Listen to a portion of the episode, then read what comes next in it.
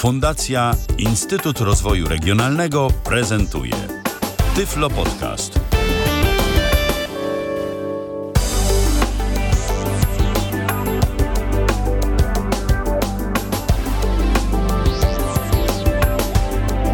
Minęła godzina 19. Rozpoczynamy kolejne spotkanie z audycją Tyflo Podcast na żywo w poniedziałek 25 dnia marca. Przypominam, że Tyflo Podcast to pierwszy polski podcast dla niewidomych. Znajdziecie nas na stronie www.tyflopodcast.net, ale oprócz tego, że dysponujemy całkiem pokaźną kolekcją audycji zarchiwizowanych, to także w każdy poniedziałek po godzinie 19 spotykamy się na antenie Tyfloradia. Tyfloradia również e, możecie posłuchać poziomu naszego mm, serwisu mm, www.tyflopodcast.net, a w Tyflo Radio rozmawiamy co tydzień o kwestiach istotnych dla osób niewidomych i e, słabowidzących. A dziś sobie porozmawiamy o mm, nietypowej wystawie, bo to jest wystawa niewidzialna. Ja bardzo serdecznie witam e, moich dzisiejszych gości z racji tego, e, że wywiad odbywa się właśnie na niewidzialnej wystawie, a tam no, inne rzeczy są istotne, istotne, a nie infrastruktura do przeprowadzenia naszej audycji. Będziemy dziś rozmawiać pojedynczo. Na dobry początek porozmawiam e, z Małgorzatą Szumowską, z dyrektorem generalnym niewidzialnej wystawy. Witam cię, Gosiu, bardzo serdecznie. Witam serdecznie Ciebie i witam serdecznie wszystkich słuchaczy. E, jest również z nami Jarosław Gniatkowski, jeden z przewodników niewidzialnej tak wystawy. Z Jarkiem porozmawiamy już za kilka minut. E, za moment uaktywnimy także nasze drogi kontaktu do studia. Będzie można dzwonić zarówno za pomocą standardowego telefonu 123 834 835, jak i również naszego radiowego Skype'a o loginie tyflopodcast.net. Piszemy tyflopodcast.net. To już za moment, ale na dobry początek, Gosiu, może poproszę Cię, abyś opowiedziała, cóż to właściwie jest ta niewidzialna wystawa. Skąd pomysł, skąd to się wzięło? Może najpierw wyjaśnię właśnie, kim jesteśmy, czym jesteśmy. Niewidzialna wystawa to jest taki bardzo unikalny projekt e, społeczno-kulturalno-edukacyjny, e, który ma za zadanie integrować dwie perspektywy postrzegania jednego świata. E, Przekazujemy tutaj istotne informacje osobom widzącym. Naszymi przewodnikami natomiast są osoby niewidome i słabowidzące w znacznym stopniu. I to one kreują ten nasz niewidzialny świat, niewidzialnej wystawy. E, sam pomysł przywędrował do nas z Węgier. Tam powstała pierwsza niewidzialna wystawa już prawie 6 lat temu. E, trochę później powstała nasza siostrzana wystawa w Czechach, w czeskiej Pradze. Oni w kwietniu będą obchodzić swoją drugą rocznicę, natomiast e, u nas w grudniu 2012 roku wybiła pierwsza rocznica naszej działalności i muszę się tutaj pochwalić, że e, przez ten czas odwiedziło nas już ponad 50 tysięcy osób, e, a jesteśmy projektem komercyjnym, więc myślę, że jest to mm, taka znacząca informacja. E, jesteśmy projektem dosyć unikalnym, to już powiedziałam na początku, e, dosyć oryginalnym. W związku z tym, otwierając niewidzialną wystawę w Warszawie, nie do końca wiedzieliśmy, czego możemy się spodziewać, jakiej reakcji publiczności, nazwijmy to w ten sposób. Natomiast nasi przewodnicy i sam projekt bardzo szybko podbili serca e, wszystkich ciekawskich. No to bardzo mnie to cieszy. Projektem komercyjnym jesteście, jak wspomniałaś, to polega na tym, że aby dostać się na niewidzialną wystawę, to po prostu trzeba za to zapłacić. To są normalne Dokładnie bilety tak. wstępu i yy, wykupujemy taki bilet. No i na co tam możemy liczyć? Bo powiedziałaś tak ogólnie, że spotykają się tam yy, dwie perspektywy, postrzeganie świata z dwóch perspektyw, ale o co tak naprawdę chodzi? Chodzi o to, żeby pokazać, że osoby niewidome i słabowidzące e, są takimi samymi osobami jak osoby widzące. Żyją dokładnie w ten sam sposób, borykają się z takimi samymi problemami, e, ale postrzegają świat również bardzo pozytywnie, czyli te wszystkie rzeczy e, sympatyczne, miłe, które spotykają osoby e, widzące, nie omijają również osób e, niewidomych. Oczywiście te borykają się z większą ilością problemów. Niemniej jednak chcemy pokazać, że osoby niewidome są pełnoprawnymi uczestnikami życia społecznego, publicznego, ale zwracając również uwagę na pewne niedogodności, choćby infrastrukturalne. Tak? E, niewidzialna wystawa składa się z dwóch części. Części widzialnej, to jest taka część, nazwijmy to, e, ekspozycyjna, gdzie w pełnym świetle osoby widzące mogą, e, mogą poznawać przedmioty codziennego użytku, które ułatwiają życie osobom niewidomym i słabowidzącym, rozwiązania teleinformatyczne, gry, zabawy, jest kącik edukacyjny. Takie zwiedzanie trwa mniej więcej kwadrans. I później zaczyna się to, co dla osób, nie widzą, dla osób widzących jest najciekawsze, czyli e, wejście do specjalnie zaprojektowanych, całkowicie wyciemnionych pomieszczeń, sześciu pomieszczeń, przez które należy przejść. Jest na to mniej więcej godzina pod czujnym okiem naszego e, przewodnika. Co to oznacza? Oznacza to, że na godzinę osoby widzące stają się kompletnie niewidome i muszą sobie radzić dokładnie z takimi sytuacjami, z, z jakimi osoby niewidome i słabowidzące y, żyją i borykają się na co dzień. E, reakcje są bardzo różne, ale z reguły jest to wielkie wow e, i dosyć pozytywny szok. E, tak jak wcześniej wspomniałam, chcemy pokazać, że osoby niewidome E, to są osoby pogodne, pozytywne, które sobie e, radzą w życiu. Oczywiście często potrzebują takiej normalnej, życzliwej pomocy, ale też nasi przewodnicy zwracają uwagę na ten aspekt edukacyjny i zwracają uwagę na to, w jaki sposób pomagać, kiedy nie pomagać, prawda? Bo czasem można zrobić więcej szkody niż pożytku.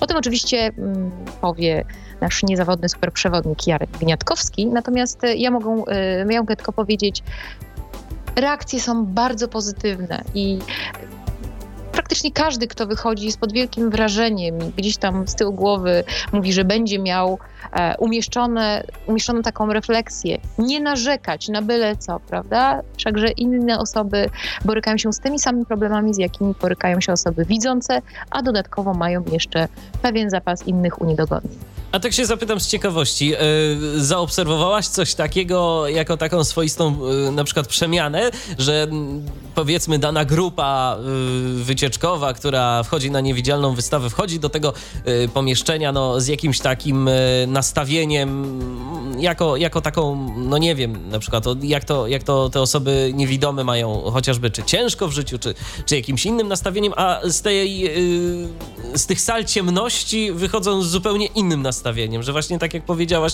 żeby nie przejmować się no rzeczywiście yy, bzdurami. Można coś takiego zaobserwować, taką swoistą przemianę? Ja, jak tylko mam okazję wyjść ze swojej puszki, jak nazywam swój pokój tutaj pracy, oczywiście staram się rozmawiać z naszymi gośćmi i właśnie wyciągać tego typu informacje. E, I faktycznie takie, takie przemiany się zdarzają. Oczywiście trzeba pamiętać, że e, my tu na Niewidzialnej Wystawie przeprowadzamy bardzo różne grupy e, wiekowe, tak? Bo no właśnie, dzień kto dzielimy... w ogóle może przyjść na taką Niewidzialną Wystawę? Bo czytając waszą stronę internetową zauważyłem, że no, w regulaminach różnego rodzaju zastrzegacie się, że to może nie być projekt dla każdego. E, tak, to może nie być projekt dla każdego. Przede wszystkim mm, staramy się uświadamiać rodzicom, że to nie jest dobry pomysł zwiedzanie naszej wystawy przez małe dzieci. A jak Myśl, małe? Właśnie. Mówiąc małe dzieci, mam na myśli dzieci do ósmego roku życia. E, już nawet nie mówię o dzieciach tak małych w grupie, mówię nawet o zwiedzaniu indywidualnym. Oczywiście nasi przewodnicy są bardzo otwarci, bardzo elastyczni. Starają się, jeżeli już takie dzieciątko nam się tutaj razem z rodzicami e, przybędzie, starają się z takim dzieckiem nawiązać kontakt, czy jest na tyle komunikatywne, czy potrafi reagować na różnego rodzaju polecenia, no bo tak jak powiedziałam wcześniej, y, tam dzieją się różne rzeczy w tych naszych ciemnościach. Tam jest masa różnych zadań, e, różnego rodzaju atrakcji i chodzi o to, żeby w tych całkowitych ciemnościach nietrzymane za rękę dziecko poradziło sobie e, swobodnie. Nie chodzi o to też, żeby potęgować różnego rodzaju lęki, więc tak jak mówię, dzieci w podstawówce jak najbardziej tak. Młodsze dzieci to nie jest zbyt dobry pomysł. Oczywiście my byśmy chcieli przyjąć tu każdego, natomiast to nie chodzi o to, żeby y, kogoś przewlec przez naszą wystawę, tylko żeby faktycznie każdy, kto tu przychodzi, bez względu na wiek, jeżeli już wchodzi, żeby cokolwiek skorzystał. E, faktycznie dużym, dużą częścią naszych odbiorców e, są dzieci, e, są dzieci i młodzież mm, i tutaj jakby te przemiany widać bardzo często, chociaż też nie zawsze, prawda, bo tak jak mówię, różne są dzieci, różni są wychowawcy, tak jak różne jest nasze społeczeństwo. E, I nie zawsze młodzież, która, która przychodzi do nas, e, reaguje tak być może, jakbyśmy sobie tego życzyli. Niemniej jednak znakomita większość, nawet jeżeli jeden z naszych przewodników w ciemności już spyta, chcąc lekko zdyscyplinować grupę, po co właściwie przyszliście do nas, to na niewidzialną wystawę i usłyszy, bo pani kazała, e, to jakoś mimo wszystko ta szczera nić porozumienia zostaje nawiązana i później jakoś już te dzieciaki młodzież reagują trochę, trochę lepiej i z przejścia z jednej sali do drugiej sali to faktycznie taka więź się wzmacnia, ale żeby nie idealizować. Z młodzieżą i z dziećmi jest bardzo różnie i, i tak jak mówię, to jest około 60% naszych odbiorców, więc myśląc o tych 50 tysiącach można sobie to przemnożyć. E, co, co klasa, co szkoła, to, to historia i mamy często dzieci z różnych trudnych grup, młodzież z trudnych grup, prawda, z różnego rodzaju fundacji, które przychodzą tutaj w ramach takiej aktywizacji, um, uspołeczniania i wbrew pozorom te dzieciaki dużo fajniej reagują niż jedna klasa, ale tak jak mówię, nie ma na to żadnej reguły. Natomiast jeżeli chodzi o dorosłych, osoby, które nas odwiedzają już raczej wczesnym i późniejszym popołudniem, no to tutaj też jest y, bardzo różnie, ale e, z reguły są to osoby, które przychodzą już w jakimś konkretnym celu, tak? Przeczytało nas, dowiedziały się, gdzieś wysłuchały i chcą faktycznie y, znaleźć jakieś ciekawe informacje, chcą poszerzyć swoje horyzonty i to jest fantastyczne. A przychodzą tu osoby, które mm, tak z Twoich obserwacji nie mają w ogóle pojęcia, jak funkcjonują osoby niewidome, czy już jednak raczej, które coś tam gdzieś wiedzą, ale chciałyby jakoś y, swoją wiedzę mm, usystematyzować, zobaczyć, jak to właściwie wygląda na żywo, bo nie miały nigdy takiej okazji? To też jest oczywiście bardzo różnie. Zasadniczo te osoby, które do nas już przychodzą, starają się te informacje gdzieś tam zebrać, e, ewentualnie e, starają się nie zdradzać zbyt wiele, e, ale zdarzają się nam takie kwiatuszki, które ja skwapliwie opisuję w naszym dziale Absurdy na Facebooku. Założyłam taki dział, ponieważ w naszym zespole bardzo często rozmawiamy o różnych rzeczach, nie tylko tych, które dzieją się na wystawie, ale ogólnie o różnych rzeczach, które dzieją się w naszym mieście i w ogóle w relacjach międzyludzkich. Od czasu czasu do czasu zdarza mi się umieścić jakieś ciekawe zagadnienie, czy ciekawe zapytanie, które gdzieś pada, e, czy to u nas na wystawie, czy gdzieś indziej. Takim przykładem jest, i, i to jest jakby przykład na to, że mimo tego, że się tu staramy pokazać tą perspektywę doświadczenia tego samego świata, to gdzieś tam jest jakiś naprawdę ułamek e, procenta ludzi, którzy do nas przychodzą, którzy mimo naszych starań naprawdę ogromnych nie potrafią sobie poradzić z tym tematem. Przykładem jest e, pytanie, pierwsze z brzegu. Na przykład, e, skąd niewidomy wie, że wychodzi z domu? Albo e, skąd niewidomy wie, że myje włosy szamponem, a nie przyprawą? Takie pytania padają, tak? Więc naszym zadaniem jest tutaj edukować ludzi, ale zdarzają się takie kwiatuszki z ich tu muszę podkreślić, jest ich naprawdę bardzo, bardzo niewiele. To są naprawdę pojedyncze przypadki, które gdzieś tam nas po prostu zabiją, a właściwie naszych przewodników, tak? Którzy... No bo tak czasami to chyba ciężko mm, wiedzieć, co odpowiedzieć na takie pytanie. Ja szczerze mówiąc, gdyby ktoś y, takie pytanie mi zadał, to ja musiałbym się naprawdę zastanowić chwilę, jak y, takiej osobie wytłumaczyć, że no, przyprawa od szamponu to jednak troszeczkę się różni, no, chociażby pod względem konsystencji czy zapachu. Zdecydowanie Ja muszę przyznać jedną rzecz. No, e, ja pracuję z fenomenalnymi ludźmi, e, którzy są po trosze psychologami, e, są pedagogami, socjologami, w ogóle czarodziejami i zawsze sobie radzą w takich sytuacjach i myślę, że poczucie humoru, które ich cechuje chyba wszystkich, każdego z osobna i wszystkich razem sprawia, że nawet takie skomplikowane powiedzmy sytuacje pozornie potrafią jakoś rozbroić i, i wychodzimy z tego bez szwanku. Zresztą ważne jest, powiem jedno, tak mi się wydaje, że ważne jest, żeby jednak te pytania, nawet jeżeli one są dość specyficzne, padały, bo wolimy, żeby ktoś wyszedł tutaj jednak e, z pewną wiedzą, nawet jeżeli na takie pytanie trzeba odpowiadać w sposób równie specyficzny i tak jak mówię, posiłkować się e, zdrowym rozsądkiem i, i wielkim pozytywnym podejściem, pełnym humoru, to jednak lepiej, żeby taka osoba wyszła pytając i uzyskując jakąś odpowiedź, aniżeli wyszła z takim niedopowiedzeniem gdzieś tam to pytanie krążyłoby w głowie, tak? A jednak jak ci, jak ci ludzie myją te włosy, tak? Albo co jedzą osoby niewidome? No, na Boga nie słucham karmę przecież, prawda? O, też e... ktoś o to zapytał, tak? Tak, tak, tak. To jest dzisiejsze pytanie z Facebooka nawet, e, które gdzieś tam w międzyczasie padło. E, tak jak mówię, to jest też e, pewnego rodzaju problem, bo ja sobie pozwoliłam, zresztą konsultując z moimi przewodnikami fantastycznymi taki dział, gdzieś tam od czasu do czasu, raz na dwa tygodnie wpada takie pytanie i na Facebooku się pojawia. Kiedyś mieliśmy taką sytuację sporną, ktoś tam się przyczepił z naszych fantastycznych zresztą sympatyków, być może autor takiego pytania, no tak, że my próbujemy tutaj mobilizować ludzi, żeby pytali, a jak już pytają, no to my się wyśmiewamy. Żeby była jasność, my się z nikogo nie wyśmiewamy, ale akurat tego typu pytania chcemy poddawać pod kolejną dyskusję, ponieważ to już jest jakby moja działka. E, ja prowadzę naszego mm, fanpage'a, który muszę się pochwalić, już ma ponad 6 tysięcy e, podglądaczy.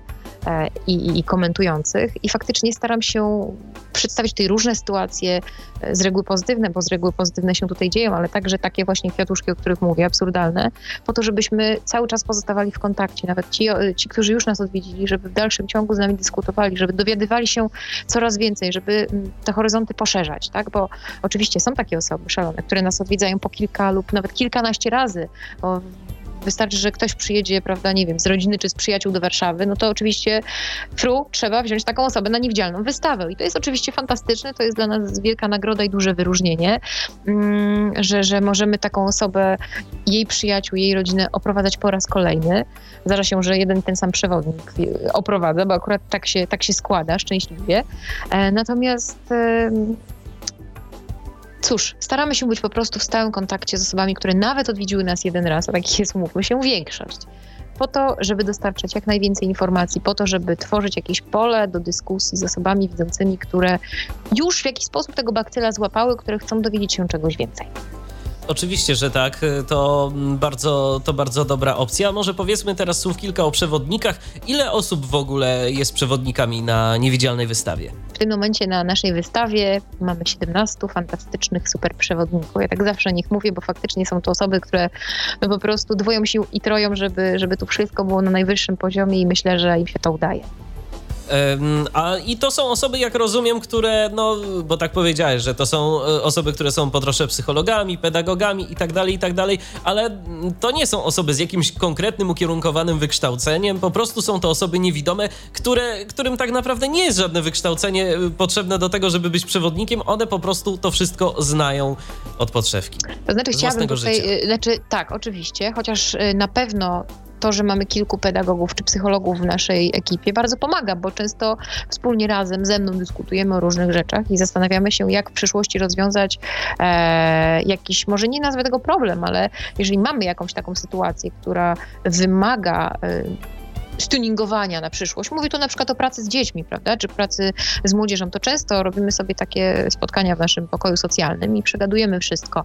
Więc na pewno y, takie spojrzenie osoby z, ukierunkowanym wykształceniem bardzo się przydaje. Z drugiej strony to, co jest najważniejsze i to cechuje, to cechuje naszych przewodników, to są zdolności interpersonalne.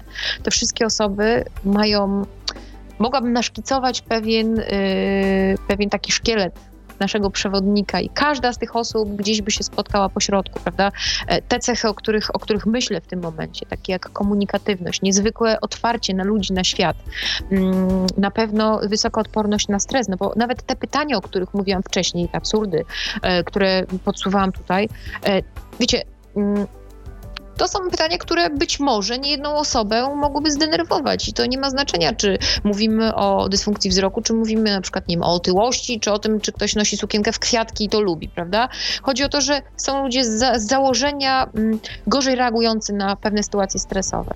A tutaj każdy, tak jak mówię, to, to o czym mówiłam, że każdy jest po trochę psychologiem, po, po trochu socjologiem, to mam na myśli właśnie pewien zespół cech osobowościowych, które, e, które kształtują i, tworzą super przewodnika, który, który u nas tutaj pracuje. Tak? To, są, to są osoby, które faktycznie e, mają pewien zespół cech osobowościowych, które tworzą, tworzą taką fajną całość. Z racji tego, że nasza dzisiejsza audycja jest ograniczona tylko do jednej godziny, no niestety tak akurat wypadło, że mm, dziś wyjątkowo, a temat bardzo ciekawy, y, aż szkoda, że, że, musimy to, że musimy to wszystko ograniczać. Jeszcze Gosiu zapytam cię o y, twoje osobiste doświadczenia związane z niewidzialną wystawą. Jak to się w ogóle stało, że właśnie przyszłaś tu y, i czy miałaś wcześniej przed niewidzialną wystawą do czynienia z osobami niewidomymi, czy to dla ciebie też była taka jedna wielka lekcja?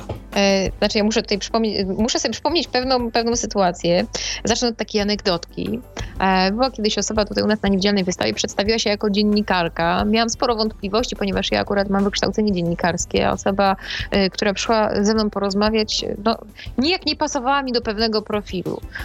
Robiła bardzo chaotyczne notatki, zadawała dziwne pytania i pytanie, które mnie z jednej strony kompletnie oszołomiło, z drugiej totalnie zbiło z tropu, to było takie pytanie, no ale Pani Małgosiu, ale Boże, jak pani się udało tak po prostu przyjść? Ponieważ ja powiedziałam, jakby pytanie poprzedzało e, jeszcze jedno pytanie, czy kiedykolwiek miałam jakąkolwiek styczność z osobami niewidomymi. Otóż nie miałam żadnej styczności, nikogo nie znałam, nie mam nikogo z rodziny, z przyjaciół, ze znajomych. E, I ta kobieta była totalnie zdziwiona. Więc powiedziałam jej bardzo prosto, no po prostu weszłam w nowe środowisko kolegów i koleżanek z pracy i zaczęliśmy współpracować, no, po prostu. E, faktycznie ja nigdy nie miałam żadnej styczności z osobami niewidomymi. Mm, niewidzialną wystawę wprowadzałam na rynek polski, na rynek warszawski tutaj, ponieważ e, od, przez wiele lat pracowałam mm, z jednym z właścicieli e, wystawy. Byłam wcześniej związana innymi projektami, więc, więc nie mogłam od początku w tym uczestniczyć, ale później sytuacja jakby skłoniła właściwie do tego, żeby ściągnąć mnie tutaj na długo i szczęśliwie, na szczęście. I przyznam szczerze, że no po prostu weszłam w nowe środowisko i jest to środowisko, które daje mi wiele pozytywnej energii, a staram się dawać sporo swojej pozytywnej energii. Myślę, że to wszystko fajnie nam gra i tyle. Także jest to dla mnie całkowicie naturalna sytuacja. Myślę, że e, najważniejsze w takiej sytuacji to po prostu nie nastawiać się w żaden sposób. E, ale to jest kwestia e, mm, też tych ludzkich, tak? Nie można od każdego wymagać tego samego. Mówię, dla mnie było to normalne. Czy ja bym weszła w środowisko osób niewidomych, czy biuściastych blondynek, czy to byłyby jeszcze inne osoby, to nie ma dla mnie najmniejszego znaczenia. Liczą się osoby z całym swoim, prawda, z całą swoją energią i, chęcią zapałem do pracy stworzyliśmy, myślę, od ponad roku już pracujemy razem, stworzyliśmy naprawdę solidny, fajny zespół, który, co jest ważne, się nie zmienia, tak? Ewentualnie ktoś do nas dołącza i myślę, że, że to jest największa wartość e, tego, co robimy razem. A właśnie, a propos dołączenia, bo być może ktoś y, z naszych słuchaczy jest y, z regionu warszawskiego i być może też chciałby zasilić wasze szeregi. Szukacie jeszcze przewodników, czy na chwilę obecną? Nie? No na chwilę obecną nie. Tutaj mieliśmy ostatnio taką sytuację. Nasz kolega Andrzej, który niebawem wraca w nasze szeregi, e, uległ wypadkowi. Mieliśmy tutaj taką zagwozdkę, co zrobić. Faktycznie e, dwie fajne osoby zasiliły nasz skład, zostaną oczywiście z nami w trochę mniejszym wymiarze czasu niż, e, niż do tej pory, e, ale to są naprawdę świetne osoby, więc nie chcemy z nich rezygnować wręcz nie ma takiej opcji, żebyśmy e, ich wypuścili. Natomiast na chwilę obecną no, nie szukamy już przewodników, e, a jeżeli nawet takie poszukiwania będą, no to jest kilka takich fantastycznych, sprytnych i, i, i fajnych osób, które już się do nas zgłosiły indywidualnie, jakoś nas znalazły, czy to przez swoich znajomych, przyjaciół, czy po prostu zupełnie przypadkiem, które przyszły tutaj po prostu, zapukały do drzwi i spytały, czy mogą ze mną pogadać, tak? I rozmowa się fajnie całkiem ułożyła, więc, więc jakaś tam e, lista gdzieś jest jest. Y, w razie gdybyśmy tutaj planowali jakąś niesamowitą ekspansję, to, to mamy tutaj ręce do pracy. Chociaż, słuchajcie, no, życie jest jakie jest, różnie bywa, więc yy, na pewno dam znać tutaj Wam w pierwszej kolejności, jeżeli coś by się działo w tym temacie.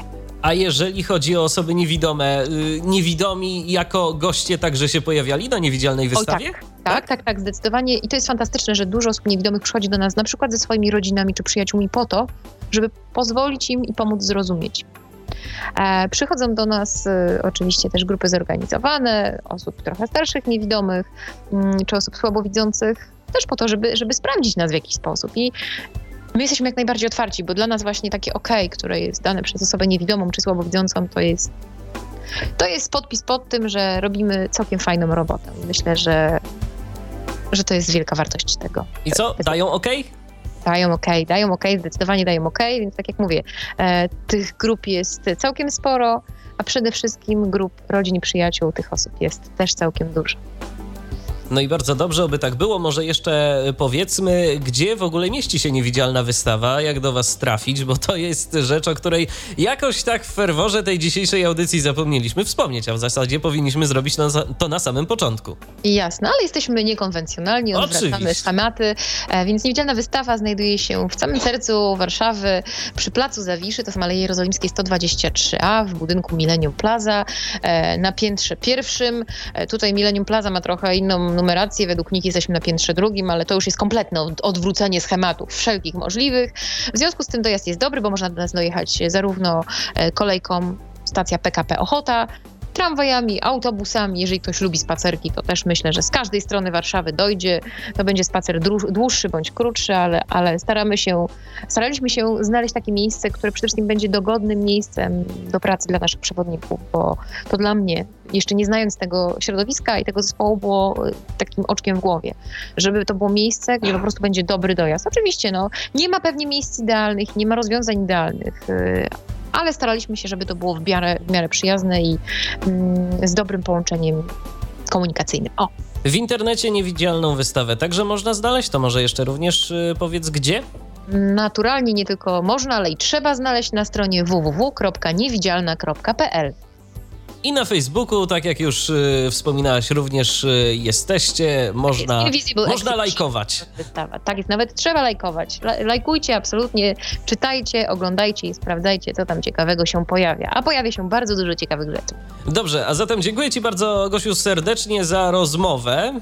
Dobrze, przekazuję słuchawki tutaj naszemu fantastycznemu i nieocenionemu Jarkowi Gniatkowskiemu, żebyś tylko nie zaplątała w swój, w swój własny kabel, w swoje własne sidła. Okej, okay, to ja tylko przypomnę, że gościem dzisiejszej audycji na antenie Tyflo Radia była Małgorzata Szumowska, dyrektor generalny Niewidzialnej Wystawy. Dzisiejsza pozdrawiam audycja... wszystkich bardzo wiosennie, chociaż zima jeszcze w pełni, to pozdrawiam wszystkich wiosennie, jednocześnie życzę wesołych, spokojnych, fantastycznych świąt i już naprawdę się nie rozgaduję, bo faktycznie wyjdzie, że Jarek mówi mniej niż ja, a obiecywałam coś zupełnie innego. No ja właśnie. Zapraszam na mój fotel. Już się zaplątujemy, odplątujemy, rozplątujemy. Proszę uprzejmie. To w międzyczasie, jak się będziecie... Pozdrawiam, ściskam. To pozdrawiamy również. Do usłyszenia. A po, w międzyczasie, kiedy następować będzie zmiana przy mikrofonie, e, to ja przypomnę, że można do nas dzwonić, jeżeli ktoś miałby ochotę. 123 834 835 to jest nasz numer telefonu. Jesteśmy również do Waszej dyspozycji na Skype'ie. E, login już dostępny. Jeżeli ktoś miałby ochotę zadzwonić i o coś zapytać, jak najbardziej może. tyflopodcast.net, piszemy tyflopodcast.net, to jest nasz login. Jarku, czy już y, udało się rozplątać, czy już z nami jesteś? No oczywiście, jestem, jestem z Państwem. Dobry wieczór. Dobry wieczór, y, witamy Cię bardzo serdecznie. No więc y, pierwsze i zasadnicze pytanie do Ciebie. Co Ty właściwie na tej niewidzialnej wystawie robisz? Na co dzień pracuję na co dzień pracujesz, e, a, czyli jesteś e, przewodnikiem, jak rozumiem. Twoja rola polega na tym, żeby oprowadzać e, wszystkich gości, a no przynajmniej tych z twojej grupy, po niewidzialnej wystawie, tak? Tak, nasz przewodnik ma jak gdyby dwa główne zadania. Podstawowe zadanie to jest oprowadzanie, ale oprowadzamy w dwóch miejscach. Jak tu wcześniej Małgosia opowiadała, jest część widzialna. Tam są stoliki z różnymi, powiedzmy, pomocami dydaktycznymi, nie tylko dla osób niewidomych, z których korzystają, łącznie z oźwiękowionym komputerem. To jest jedna część, tutaj przewodnika ewidentnie widać. E, a druga część pracy to jest oprowadzanie właśnie w środku, gdzie jest ciemno, przez jak to Gosia powiedziała, sześć sal, ale ja nigdy ich nie mogę policzyć. Więc dobrze, mm, opowiedzmy może na dobry początek nieco oczywiście, bo to nie chodzi o to, żebyśmy teraz zdradzali wszystko, y, bo wtedy nikt nie będzie chciał przyjść y, na niewidzialną wystawę, ale powiedzmy może y, słów kilka o tym, bo słuchają nas przede wszystkim, myślę, osoby niewidome i słabowidzące. Wspomniałeś o tym, że jest sporo pomocy, udźwiękowiony komputer, to może powiedzmy, co tam się znajduje, co, z czym osoby widzące przede wszystkim, no i także niewidomi goście niewidzialnej wystawy mogą się zetknąć, z jakimi konkretnie pomocami pomocami? Z konkretnie z jakimi pomocami? Znaczy, stoliki moglibyśmy nazwać, bo to jest uporządkowane w stolikach, ich jest sześć. E, moglibyśmy nazwać pierwszym gospodarstwem domowym, no tutaj znajdziemy takie proste rzeczy jak czujnik poziomu cieczy, jakieś udźwiękowione elementy typu kalkulator, czy też zegarek, e, skarpetnik, no i takie malutkie pierdółki, czujnik poziomu cieczy, na przykład robi wielką furorę, bardzo się podoba osobom widzącym. No skarpetniki najbardziej, najbardziej, najbardziej, tym bardziej, że sobie często żartujemy, że to jest urządzenie, które powoduje, że można wreszcie mieć wszystkie skarpetki do pary, a, par, a pralka ich nie zje. Drugi stolik dotyczy Braille'a, czyli alfabetu Braille'a. Jest wielka tablica, która pokazuje, jak te literki wyglądają oraz mamy w dyspozycji, dopóki działa, niestety młodzież szkolna różnie używa maszyn do pisania, ale maszyn, mamy maszynę do pisania brajlowską, mamy również tabliczkę z dłutkiem, mamy jakieś czasopisma, które można sobie przejrzeć, wydrukowane. To jest drugi stolik. A tak z ciekawości zapytam jeszcze a propos tej maszyny brajlowskiej, mhm. zdecydowaliście się na jakąś taką mniejszą, typu jakąś pichtę, czy, czy, czy na przykład Perkinsa, jakiegoś tego większego? Bardzo lubię Parkinsy, ale niestety nie wytrzymał nawału uczniów. E, mamy tą pichtę najmniejszą. Więc no niestety tak, ale to chyba bez znaczenia, tak? No bo ona. Zgadza się, jest, zgadza się. Tylko, tylko tak po prostu ze zwykłej ludzkiej ciekawości yy, chciałem zapytać, co, co konkretnie się znajduje. No to mamy drugi stolik y, za sobą i co dalej? Wiesz, ta maszyna ma to znaczenie, że jak są dzieci czy też dorośli, no to próbują coś tam napisać, tak? Otrzymują informacje, jak się to robi, próbują napisać, potem odczytywać. No frajer na 100 tysięcy fajerek często młodzież szkolna sobie zabiera taką kartkę, na której napisała do, do swojego dziennika i tak dalej, i tak dalej, biorą do szkoły, więc jest to fajna frajda. A próbują czy... to odczytywać dotykiem, czy próbują to odczytywać wzrokiem? Bo ja y, z własnych obserwacji to spotykam się z tym, że jednak osoby widzące bardzo rzadko próbują Braille'a czytać dotykiem, próbują zobaczyć te kropki.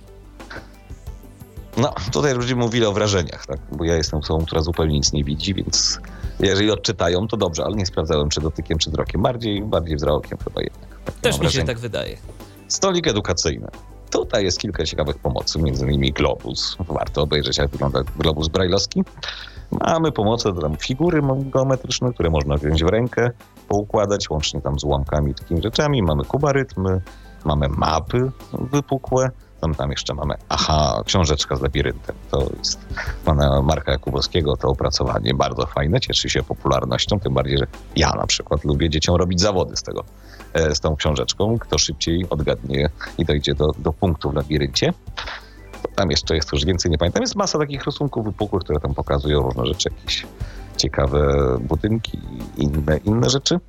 Następny stolik dotyczy komputera, czyli mamy udźwiękowiony komputer, standardowym oprogramowaniem e, darmowym, nawet nie będę mówił nazwy, bo wszyscy go znamy, mówi, gada, wzbudza fascynację. No oczywiście nie ma podstawowej rzeczy, czyli nie ma przy nim myszki. Ten komputer ma jeszcze drugie zastosowanie. A monitor jest? Jest, monitor jest, monitor jest. Już myślałem, że, już myślałem, że do tego stopnia y, postanowiliście y, zaciemnić sprawę osobom widzącym i również monitora się pozbyliście, ale nie. To jest, żeby osoba niewidoma mogła sobie porównać to, co syntezator mówi z tym, co jest na ekranie, tak? Tak, tak, tak. Znaczy to ułatwia edukację, tak? No bo powiedzmy sobie szczerze, przynajmniej z moich doświadczeń, jak ja straciłem wzrok, no to pierwsze zatknięcie syntezatorem nie bywa od razu takie przyjazne. Zwłaszcza jeżeli tam jest NVDA i tam jest, a jaki syntezator? SPIC czy coś bardziej ludzko mówiącego? No mniej ludzko mówiącego, no, mniej ludzko mówiącego, ale to jak gdyby nieistotne. Ważne jest to, że tam można dużo o tym komputerze gdyby powiedzieć, można też wytłumaczyć za pomocą tego komputera, ile rzeczy e, nowych, tak? W jakie nowe zawody może osoba niewidoma wkraczać. Znaczy jest... tak, tylko wiesz, y, pytałem o to dlatego, że y, no ja pamiętam swoje pierwsze spotkanie z syntezą mowy i yy, na przykład z, z, syntezatorem, którego używam od, od, wielu lat, to moje pierwsze spotkanie było o, na zasadzie o jeny, jak to strasznie niewyraźnie mówi. I, I, jestem właśnie ciekaw, jak goście niewidzialnej wystawy odbierają tę mowę syntetyczną. No, wiesz, no niestety odbierają tak. Najczęściej właśnie w ten sposób. No ale e, ten komputer ma jeszcze drugą funkcję no bo jeżeli są dzieci szkolne, to warto im coś ciekawego pokazać. I tutaj mamy filmy e, instruktażowe wgrane i dzieci mogą sobie to obejrzeć. Firmy osoby niewidome zazwyczaj znają, czy to produkcja e, organiz no, znaczy różnych organizacji pozarządowych, więc można tam na dłużej zająć młodzież, jeżeli oczekuje na swoje wejście. A ostatni stolik, no to jak ostatni stolik, no to rozrywki i zabawy. Są puzzle, jest Chińczyk, a o tutaj są niezłe zawody rozgrywane w Chińczyka. Co tam jeszcze jest? Są jakieś takie metalowe, skomplikowane druty, tak byśmy to nazwali, które trzeba ze sobą połączyć rozłączyć, znaleźć sposób po ciemku. Oczywiście na każdym stoliku mamy gogle. Jeżeli ktoś chce spróbować zrobić to absolutnie po ciemku, no to ma pełne prawo i, i do tego narzędzia pewnego. Dużo osób się decyduje na taką zabawę po ciemku, czy jednak wolą sobie zachować ten wzrok, póki jeszcze mogą i nie wejdą do pomieszczeń zaciemnionych? Znaczy Chińczyka uwielbiają grać po ciemku, bo naprawdę są tam bardzo duże emocje. No to jest jak gdyby prostsze i, i bawi ich ta zabawa w przekładanie pionków i rzucanie kostką, bo kostka też jest, kostka powiedzmy też jest brajlowska, bo ma wypukłe punkty, więc to, to, to ludzi bawi. Znaczy wiesz, czasami to jest wszystko zależy od sytuacji, no bo generalnie Gosia powiedziała, że tą część pokazujemy w okresie około 15 minut, w związku z czym to nie jest za dużo czasu na wielką, na wielką, na wielką zabawę. Bywa, że ktoś ma więcej czasu, albo przewodnik akurat nie ma następnej grupy, to może po wyjściu z części widzialnej to tutaj dłużej opowiedzieć. Niestety tych dłużej oprowadzających to ja należę. E, I, I, często te stoliki bywają w takich sytuacjach pretekstem, wiesz, do rozwinięcia głębiej tematu. Ktoś się może zapytać o monety. Bywało, że ktoś się zapytał, nie wiem, o środki dla osób z niepełnosprawnością wzrokową, edukacyjną i tak dalej, o jakąś tam historię osób niewidomych, od kiedy i dlaczego i dlaczego. No jak gdyby te stoliki są dużym pretekstem do wytłumaczenia pewnych rzeczy dla tych, którzy chcą wiedzieć więcej. To jest taka pełna możliwość tutaj. Ale to jest część widzialna. No. Dokładnie. Część widzialna jest trudniejsza do opowiedzenia. Jak rozumiem, po tym, kiedy przejdziecie już przez wszystkie stoliki, yy, wchodzicie yy, do części niewidzialnej. I co tam się znajduje? Znaczy, najpierw jest instruktaż, tak? Mhm. Bo generalnie chodzi o to, że E, tam na liście dyskusyjnej kiedyś były dyskusje e, na ten temat, czy to jest fajna rzecz, czy nie fajna, tego typu pomysły. Ja doszedłem do wniosku, że to jest fajne i ma to swój sens wtedy, kiedy to jest pozbawione albo mocno ma ograniczony poziom stresu wewnętrznego. W związku z czym osoby, które przychodzą na samą wystawę, zanim wejdą do tej części niewidzialnej, otrzymują dokładny instruktaż, tak, łącznie z pokazaniem, jak stosować dolną technikę ochronną. Tu używam już fachowego pojęcia, czyli ta rączka na dole ma iść z przodu, co zrobić z drugą ręką. Proszone są o zostawienie wszystkich rzeczy, które mogłyby świecić, czy to będzie zegarek, czy to będzie telefon komórkowy, z takimi rzeczami nie wchodzimy. No, niebezpieczne narzędzia e, typu kije baseballowe, szable, noże, pistolety też zostawiamy, żeby nie było kłopotów w środku. No i po tym instruktorze wchodzimy do pierwszego pomieszczenia. Co tu jest, to mogę powiedzieć, to nie jest tajemnicą, nic tam nie ma. Tam stoi przewodnik. To jest takie nieduże pomieszczenie, które służy do tego, żeby się przyzwyczaić do wzroku, e, ogarnąć ten pierwszy strach, zapoznać się z głosem swojego przewodnika, bo musimy wiedzieć, że przewodnik wcześniej nie jest widziany. Pojawia się takim głosem, nie wiadomo skąd, przepraszam za to brzęczenie, ale się okazało, że gości komóreczka postanowiła coś powiedzieć. E, więc tutaj się zapoznaje z głosem, jednocześnie dostaje jakieś takie już pierwsze zapoznanie się z przewodnikiem. Czyli jak rozumiem, w tej części widzialnej i w tej części niewidzialnej yy, oprowadzają yy, gości dwie inne osoby, tak? Tak, tak, tak, tak, absolutnie. Najczęściej dwie inne osoby, chyba, że inaczej się nie da. Ale to zawsze są dwie różne osoby, czyli ten przewodnik w części niewidzialnej jest innym. I oczywiście on nawiązuje kontakt. Znaczy dla nas, dla przewodników jest to bardzo istotne, bo mamy pierwszy kontakt z ludźmi i możemy się z nimi e, tak oswoić, tak? zobaczyć jaki jest poziom stresu, spróbować jakichś takich pierwszych dowcipów, trochę rozluźnienia atmosfery. Jeżeli coś jest niezrozumiałe, powtórzyć z tą techniką chodzenia. No ja tam zazwyczaj trochę żartobliwych rzeczy lubię powiedzieć, bo to trochę roz, znaczy rozluźnia atmosferę. Następne pomieszczenie, niestety nie powiem, co jest w środku, ale jest to pomieszczenie, które powoduje emocjonalnie poczucie się jak gdyby trochę we własnym środowisku. Można się domyślić, co to jest, ale ono nie jest jakieś trudne technicznie, jest dosyć proste. Mógłbym powiedzieć, że bardziej służy do takiego zapoznania się albo przyswojenia sobie tej techniki poruszania się. Są dostępne ściany, tą rączką można, coś się poznaje, coś się dotyka. To też można sprawdzić, czy się ma faktycznie klaustrofobię, czy nie.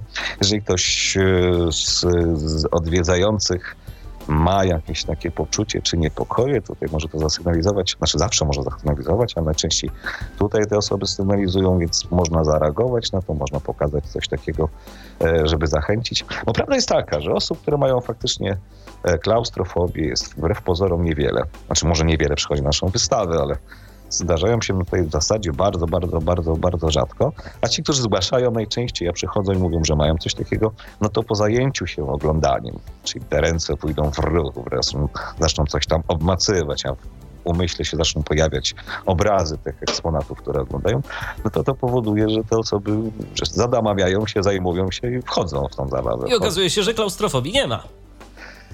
Najczęściej, szczerze powiedziawszy, tak. Szczerze powiedziawszy, tak.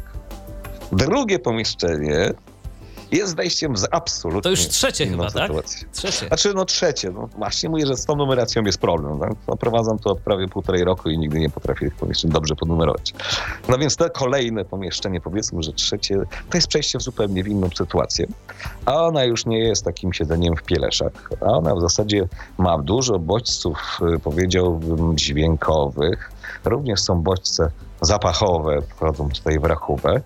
E, no jak gdyby to pomieszczenie pozwala otrzeźwieć, otrzeźwieć o sobie, e, powoduje zmianę no, 180 stopni emocji, a jednocześnie uzmysławia, że nie wszystko jest piękne, co się świeci. Tak? No ale to pomieszczenie bardzo długo nie trwa, ile oglądanie tego drugiego pomieszczenia, tego, o którym powiedziałem, że jest takie bezpieczne, miłe i przyjazne, znaczy każde jest przyjazne, tam nie ma niebezpiecznych rzeczy, e, to trwa to oglądanie około 15 minut, no to to drugie to około 10 z tego drugiego pomieszczenia przechodzi się w trzecie pomieszczenie i to jest jak gdyby wejście w zupełnie absolutnie inną rzeczywistość. Zarówno emocjonalnie, jak i zapachowo, jak i, nie wiem, obszarowo. A cały czas mówimy o jakichś tam elementach e, świata, elementach życia. E, to pomieszczenie jest e, zaskakujące poprzez swoją tematykę i też budzi dużą ciekawość, co tu się może faktycznie znaleźć. Ja zazwyczaj prowadzając grup, grupy robię taki myk, że nie zdradzam nazwy tego pomieszczenia, pozostawiając domyślenie się i rozpoznanie swoim oprowadzanym gościom. E, oczywiście to nie jest jakaś tam wielka zagadka, ale powoduje to, że ono się staje ciekawsze, ciekawsze, ponieważ widać jak pierwsze takie wrażenia i pierwsze emocje e, z, z tym pomieszczeniem związane i pierwsze próby określenia, że to jest to albo to, no są błędne. Tak? To też ma bardzo fajny taki, taki e, wymiar. Z tego pomieszczenia przechodzi się do następnego pomieszczenia. To przejście jest gładkie, ale już ono jest takie bardziej, to, to, to pomieszczenie jest relaksacyjne, jakby odzwierciedlało większą przestrzeń. Są tam dosyć dziwne, zapa- e, dziwne i zapachy, jakieś tam sytuacje dźwiękowe. Mówiliśmy, że to jest multimedialne. E, i nagle jest trochę zdziwienie, bo nagle sobie wszyscy uświadamiają, że to, co było do tej pory dosyć bezpieczne, czyli możliwość dotykania ścian i chodzenia wzdłuż ścian, no w tym pomieszczeniu jest raczej mało prawdopodobne. Raczej mało prawdopodobne. Czyli jak rozumiem, to pomieszczenie jest większe, tak? No czasami można wysnuć dosyć niewłaściwe wnioski, ale nie mogę powiedzieć, czy jest większe. Mówię, okay. że obrazuje większą przestrzeń. Natomiast co do wielkości, no to, to bym wolał nie, nie, nie, nie ten. Natomiast jak byłem w nim po raz pierwszy, naprawdę tu mi ruszyła wyobraźnia bardzo daleko.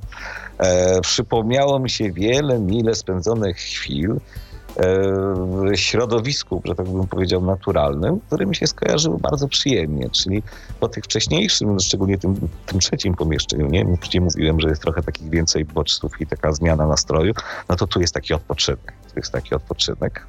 No i potem jest następne pomieszczenie zupełnie przeskoczenie, wiesz, jak z, z, z, z, Ameryki Północnej, nie wiem, gdzieś tam do Afryki Południowej, to jest po prostu taki, taki odjazd, jeśli chodzi o tematykę. Często to pomieszczenie, no tam jest akurat dziewięć takich głównych eksponatów do obejrzenia, ono mi się podoba. Ono mi się bardzo podoba, ponieważ tutaj można zrobić coś, czego normalnie w świecie, e, w normalnym świecie i w tego typu pomieszczeniach nie wolno robić, to, to jak najbardziej należy to zrobić, jest owiane wielką tajemnicą. Ono ma swoją nazwę, ma swoje eksponaty i trzeba je rozpoznać. Tutaj to pomieszczenie oprowadzamy z, przechodzimy z gośćmi w różne typy. Tutaj przewodnicy mają bardzo dużą, bardzo dużą wyobraźnię, co z tym zrobić. I powiem szczerze tak, że wiele osób, yy, wielu osobom się najbardziej podobało to pomieszczenie z tego względu, że absolutnie nie wiedzieli, czego mają się spodziewać. Czyli masz podany temat tak, pomieszczenia, czyli przestrzeni, w jakiej się znajdujemy i nie wiadomo, czego się spodziewać. Ono jest takie fajne, zadziorne. Natomiast ostatnie pomieszczenie, no to już jest czas E, powiedziałbym, takiego pełnego odprężenia, dosyć przyjaznej atmosferze. Tu można sobie na przykład wygodnie spocząć. E, ktoś, kto czyta wnikliwie naszą stronę internetową, to się może domyśleć, co tam się w nim znajduje. Oczywiście jest tu czas na to, żeby przeprowadzić dyskusję, żeby sobie porozmawiać. Można się pewnych ciekawych rzeczy nauczyć. No, z pewnych względów jest to przeze mnie ulubione pomieszczenie, bo e, nie wiem, ci, którzy mnie znają, ja przy tej naszej wystawie kładę duży, duży nacisk na ten walor jej edukacyjny. No i potem już jest tylko wyjście z powrotem do recepcji. Czyli tak, naprawdę, czyli tak naprawdę na niewidzialnej wystawie najpierw mamy, powiedzmy sobie, spokój względny. Oczywiście, jeżeli y, ktoś się nie zestresuje sam, samym wkroczeniem w ciemność. Później zaczynają nas atakować bodźce. Coraz więcej jest ich, coraz więcej, żeby później, no zmniejszyć swoją intensywność i znowu przechodzimy do pomieszczeń, y, a właściwie do tego ostatniego pomieszczenia, w którym no, znowu się relaksujemy. Tak, ale to nie znaczy, że nie ma bodźcy, bo powiedzmy sobie szczerze, że poza tym pierwszym szczątkiem, gdzie się przyzwyczajemy, w każdym z tych pomieszczeń są bodźce zarówno dźwiękowe, jak i zapachowe, no i oczywiście dotykowe, tylko one mają inny charakter. Do czego innego można wykorzystać. Znaczy, sposób wykorzystania.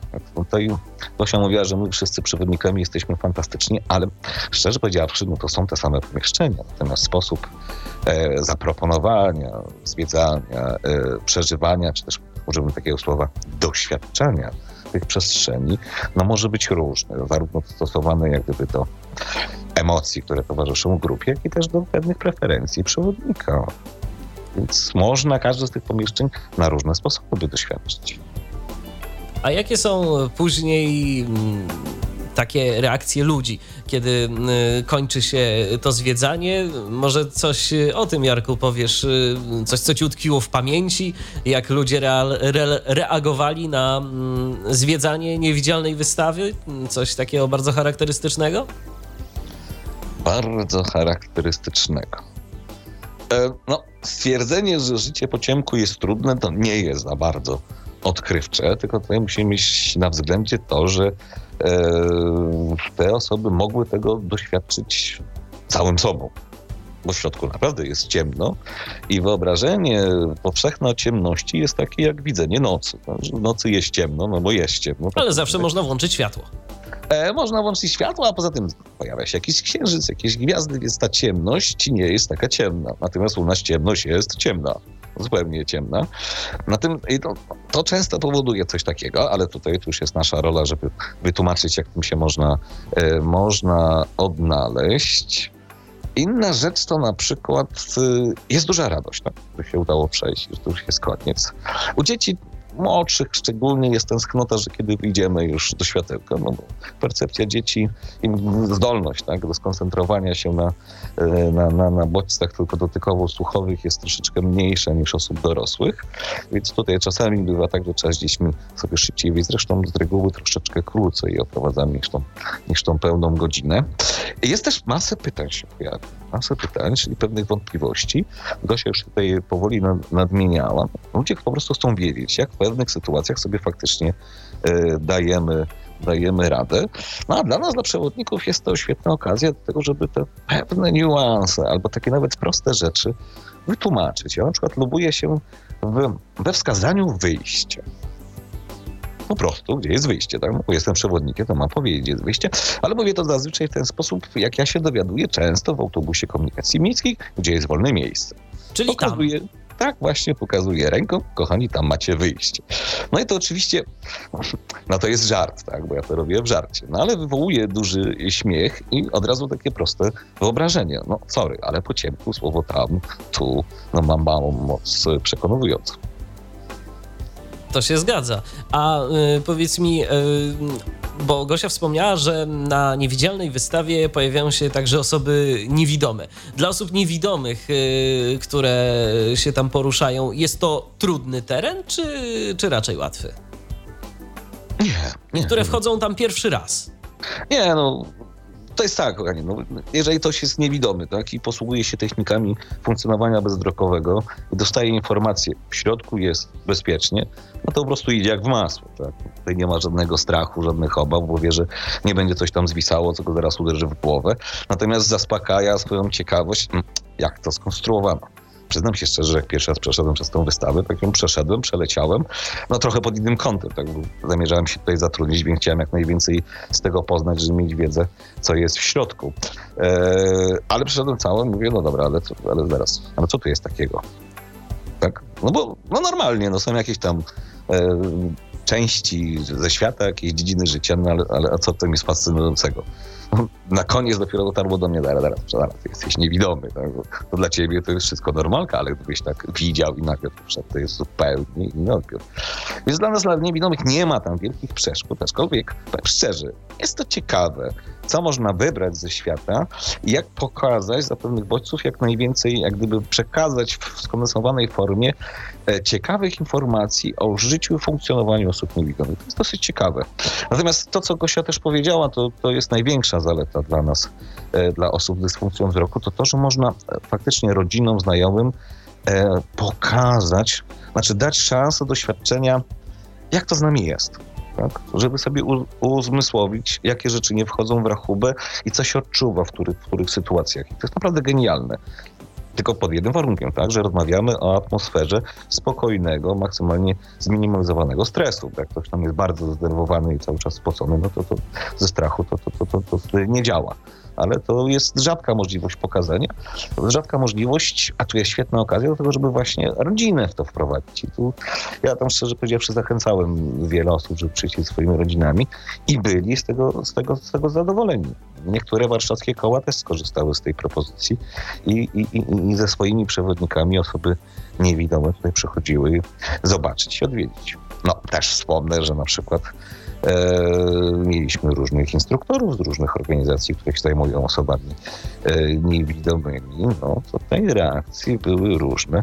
Czasami dostąpiłem rozczarowania, a czasami, no, na przykład była jedna wspaniała pani, która bardzo, e, która, która świetnie, świetnie się tutaj odnajdywała, ale stwierdziła, że Boże, pracowałam z niewidomymi 20 lat i ja nie wiedziałam, że to tak wygląda.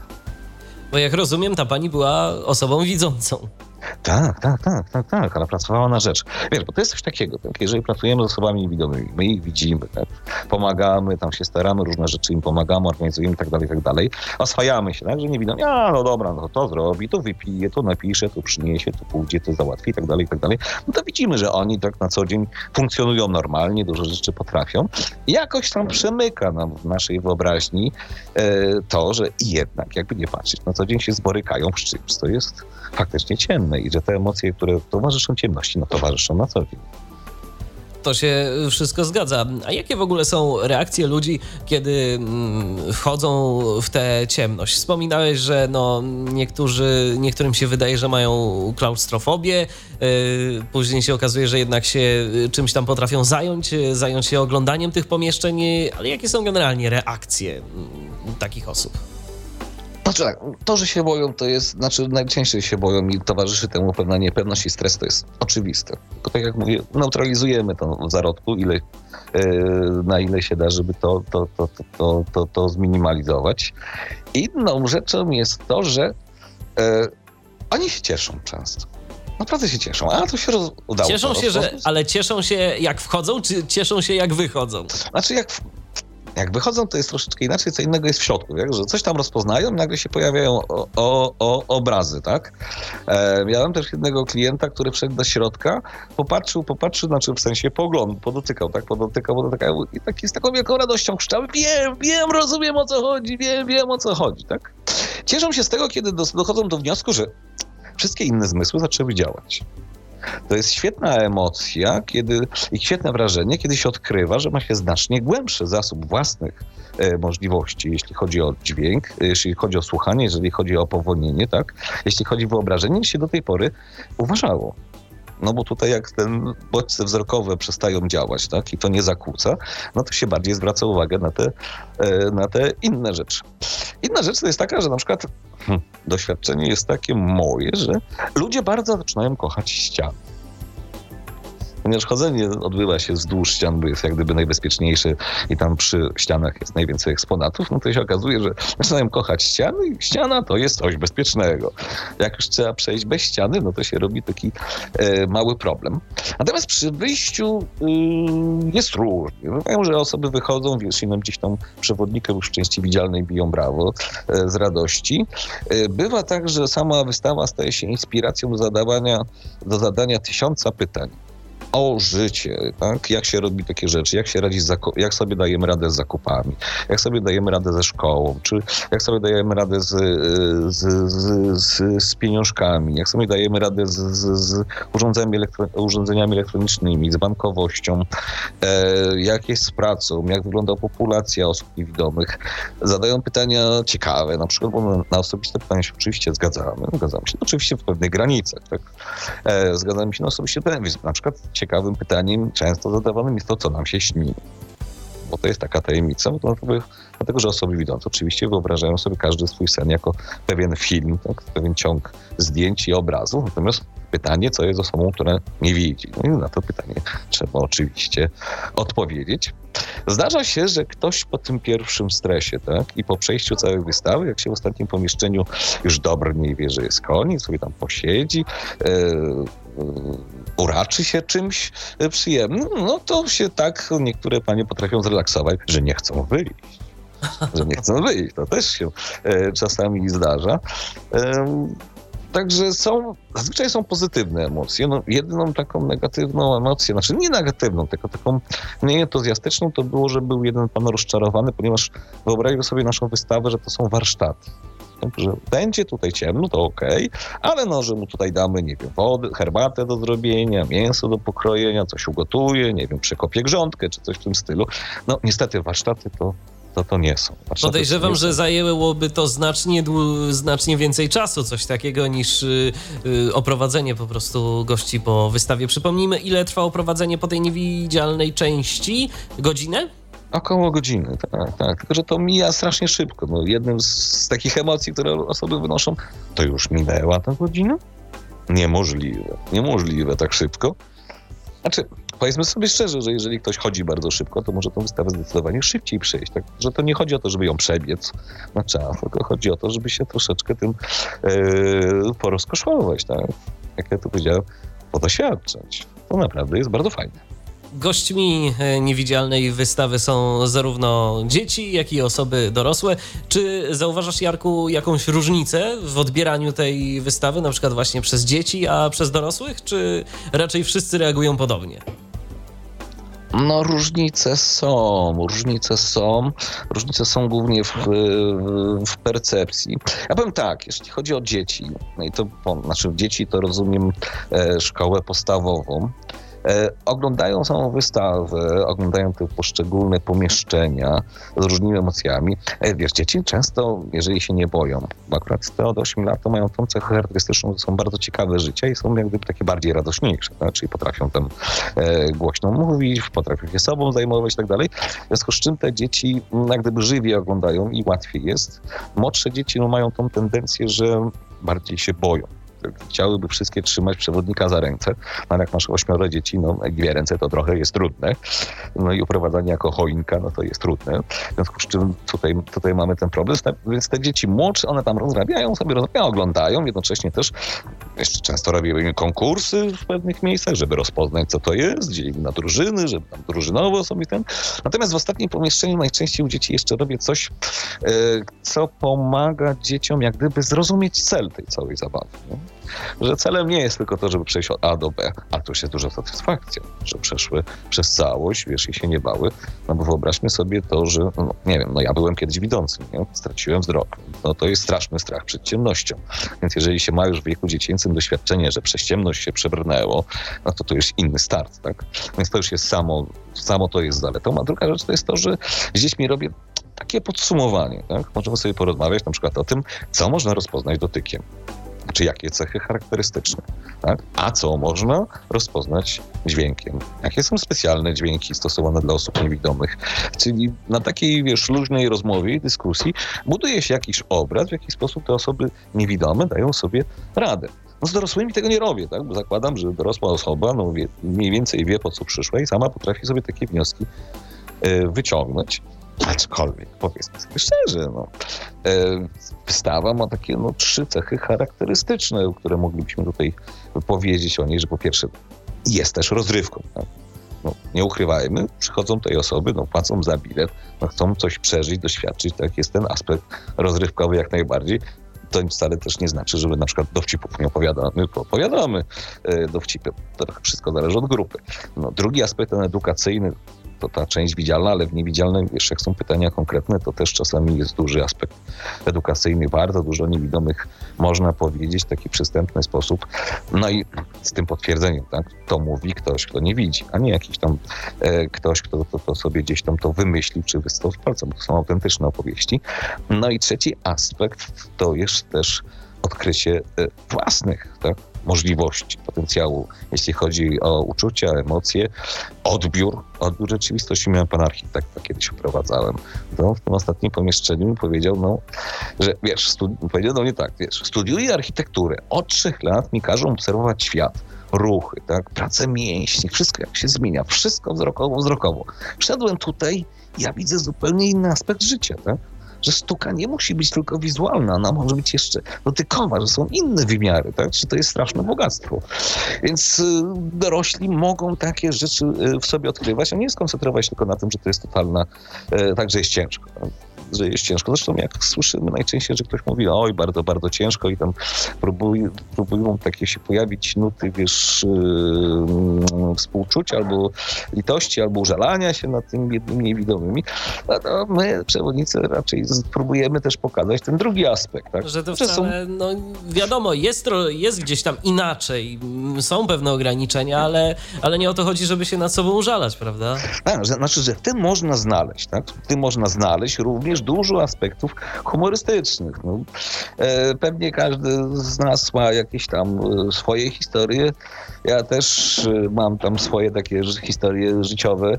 Znaczy tam dowolnie jakoś tam opowiada. No, I one czasami są śmieszne. No, to jest śmieszne, jak się klient wybrał do, do pracy i w bluzce facet, no, czyli jad wybrał się w bluzce swojej żony. Ewidentnie było, było widać, że damska, bo nie sprawdziłem, co ściągnąłem na grzbiet.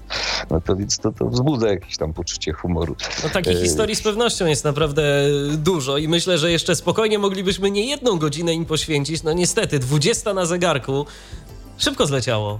Mm, mam nadzieję, że naszym słuchaczom również y, opowiadanie o niewidzialnej wystawie. No, szkoda, że musimy dziś y, tak szybko skończyć. Myślę, że jeszcze kiedyś ten temat poruszymy, bo y, jest naprawdę interesujący. Zapraszamy oczywiście wszystkich na niewidzialną wystawę. Jarku, przypomnisz jeszcze, gdzie można Was znaleźć?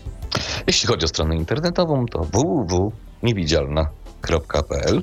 Tutaj się można zarejestrować i zarezerwować miejsce. No, kochani, no sorry, winetu, ale jest tak, że jesteśmy bardzo oblegani. Coraz więcej mamy dni, że się nie da wcisnąć nawet jednego palca. E, tak jest oblegana. Natomiast generalnie, jeśli chodzi o adres e, fizyczny, to, są, to jest Warszawa, Aleje Jerozolimskie 123a. To jest budynek Millennium Plaza. Pierwsze piętro fizyczne, drugie piętro, jeśli chodzi o numerację w tym budynku, bo to jest numeracja zachodnia, nie ma parteru jako zero, parter jest jedynką, więc wystarczy wejść przez obrotowe drzwi, na wprost mamy schody ruchome pod górę, lekko na lewo, na koniec jak gdyby budynku, czyli mówiąc krótko, na południową stronę i tam już się znajdzie wejście naszej wystawy. I tam będzie niewidzialna wystawa, którą można sobie zwiedzić, e, a w drugiej części dzisiejszej audycji poświęconej temu projektowi rozmawiałem z jednym z przewodników e, niewidzialnej, po niewidzialnej wystawie, z Jarosławem Gniatkowskim. Dziękuję Ci Jarku bardzo za rozmowę. Dziękuję bardzo i żegnam słuchaczy. Do usłyszenia. Kolejne spotkanie z Tyflo Podcastem e, na antenie Tyflo Radia dopiero za dwa tygodnie, za tydzień yy, lany poniedziałek, więc w trosce o sprzęt, żeby nam nikt go nie zalał, audycji nie będzie, ale za dwa tygodnie oczywiście po godzinie 19 wracamy z interesującym tematem, mm, interesującym dla osób niewidomych i e, słabowidzących. Michał Dziwisz, kłaniam się. Do usłyszenia. Do następnego Tyflo Podcastu na żywo. Był to Tyflo Podcast. Pierwszy polski podcast dla niewidomych i słabowidzących. Program współfinansowany ze środków Państwowego Funduszu Rehabilitacji Osób Niepełnosprawnych.